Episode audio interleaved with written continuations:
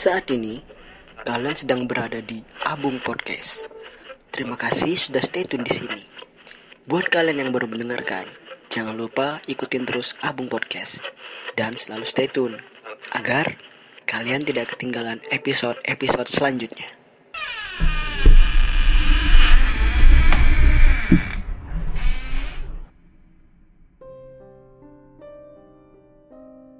Di episode yang kelima ini, aku dapat kiriman cerita dari Mbak Asdana. Jadi cerita ini katanya dari pengalaman pribadinya. Jadi ceritanya ini dulu waktu dia masih kecil, dia itu punya adik yang waktu itu adiknya ini umurnya sekitar 2 sampai 3 tahunan ya.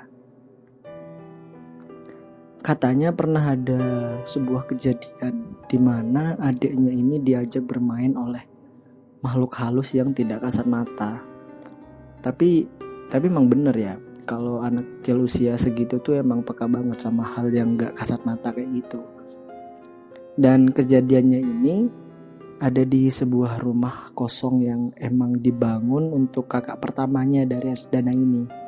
Dan rumah kosong ini biasa disebut oleh keluarga di situ, keluarganya Arsdana. Itu rumah kuning karena emang belum ditempatin, jadinya tempat ini nih masih kosong. Jadi ceritanya waktu itu adiknya ini sedang main. Nah, karena mungkin udah waktunya makan, akhirnya Asdana ini disuruh untuk cari adiknya ini. Terus dicarilah ke rumah kosong ini, tapi ternyata nggak ada. Kemudian dicari sampai ke mana-mana, sampai ke rumah-rumah tetangga tuh tetap aja nggak ada bahkan sampai tiga jam lebih adek ini nih masih belum ketemu juga meski dicari ke mana-mana. Termasuk di rumah kosong yang tadi itu. Dan setelah dicari tetap nggak ketemu juga terus Asdane niseng. Masuk lagi ke rumah kuning tadi itu rumah kosong itu terus dia nih ngelihat ada sendal. Tapi cuma satu. Loh? Ini kan sendal adikku. Kok bisa ada di sini? Nah katanya tuh gitu Terus tiba-tiba adiknya ini ada di bawah ranjang di rumah kosong itu. Dia ini kaget. Tadi kan gak ada siapa-siapa. Kok sekarang bisa ada di sini? Jadi kesannya ini kayak tiba-tiba aja muncul di situ. Terus dibilang ke mamanya kalau adiknya ini udah ketemu.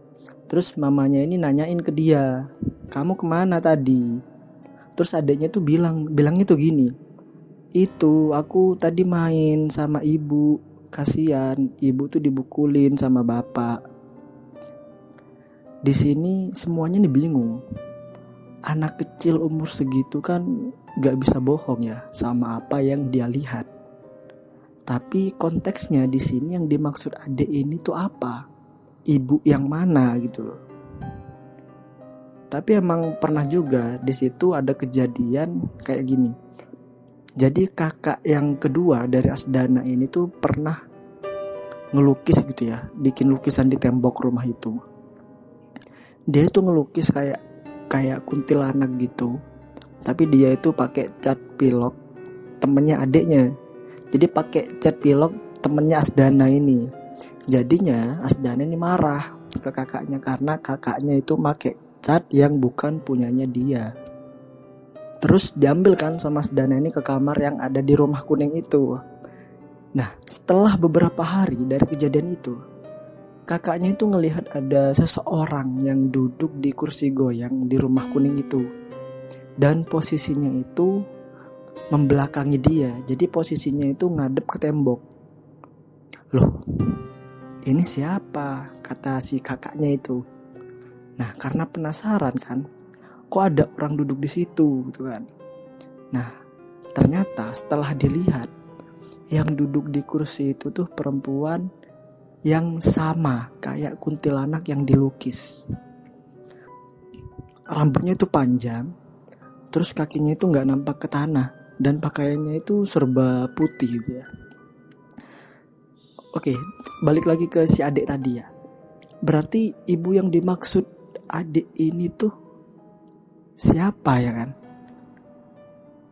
Mungkin yang dimaksud adik ini tuh sebenarnya bukan ibu ibu kandungnya gitu mungkin ibu yang lain gitu. Dan mulai kejadian itu adik ini nih sering banget main di rumah kosong itu. Dan sering manggil-manggil kayak anak kecil kalau manggil ibunya gitu kan. Ibu ibu ibu kayak gitu.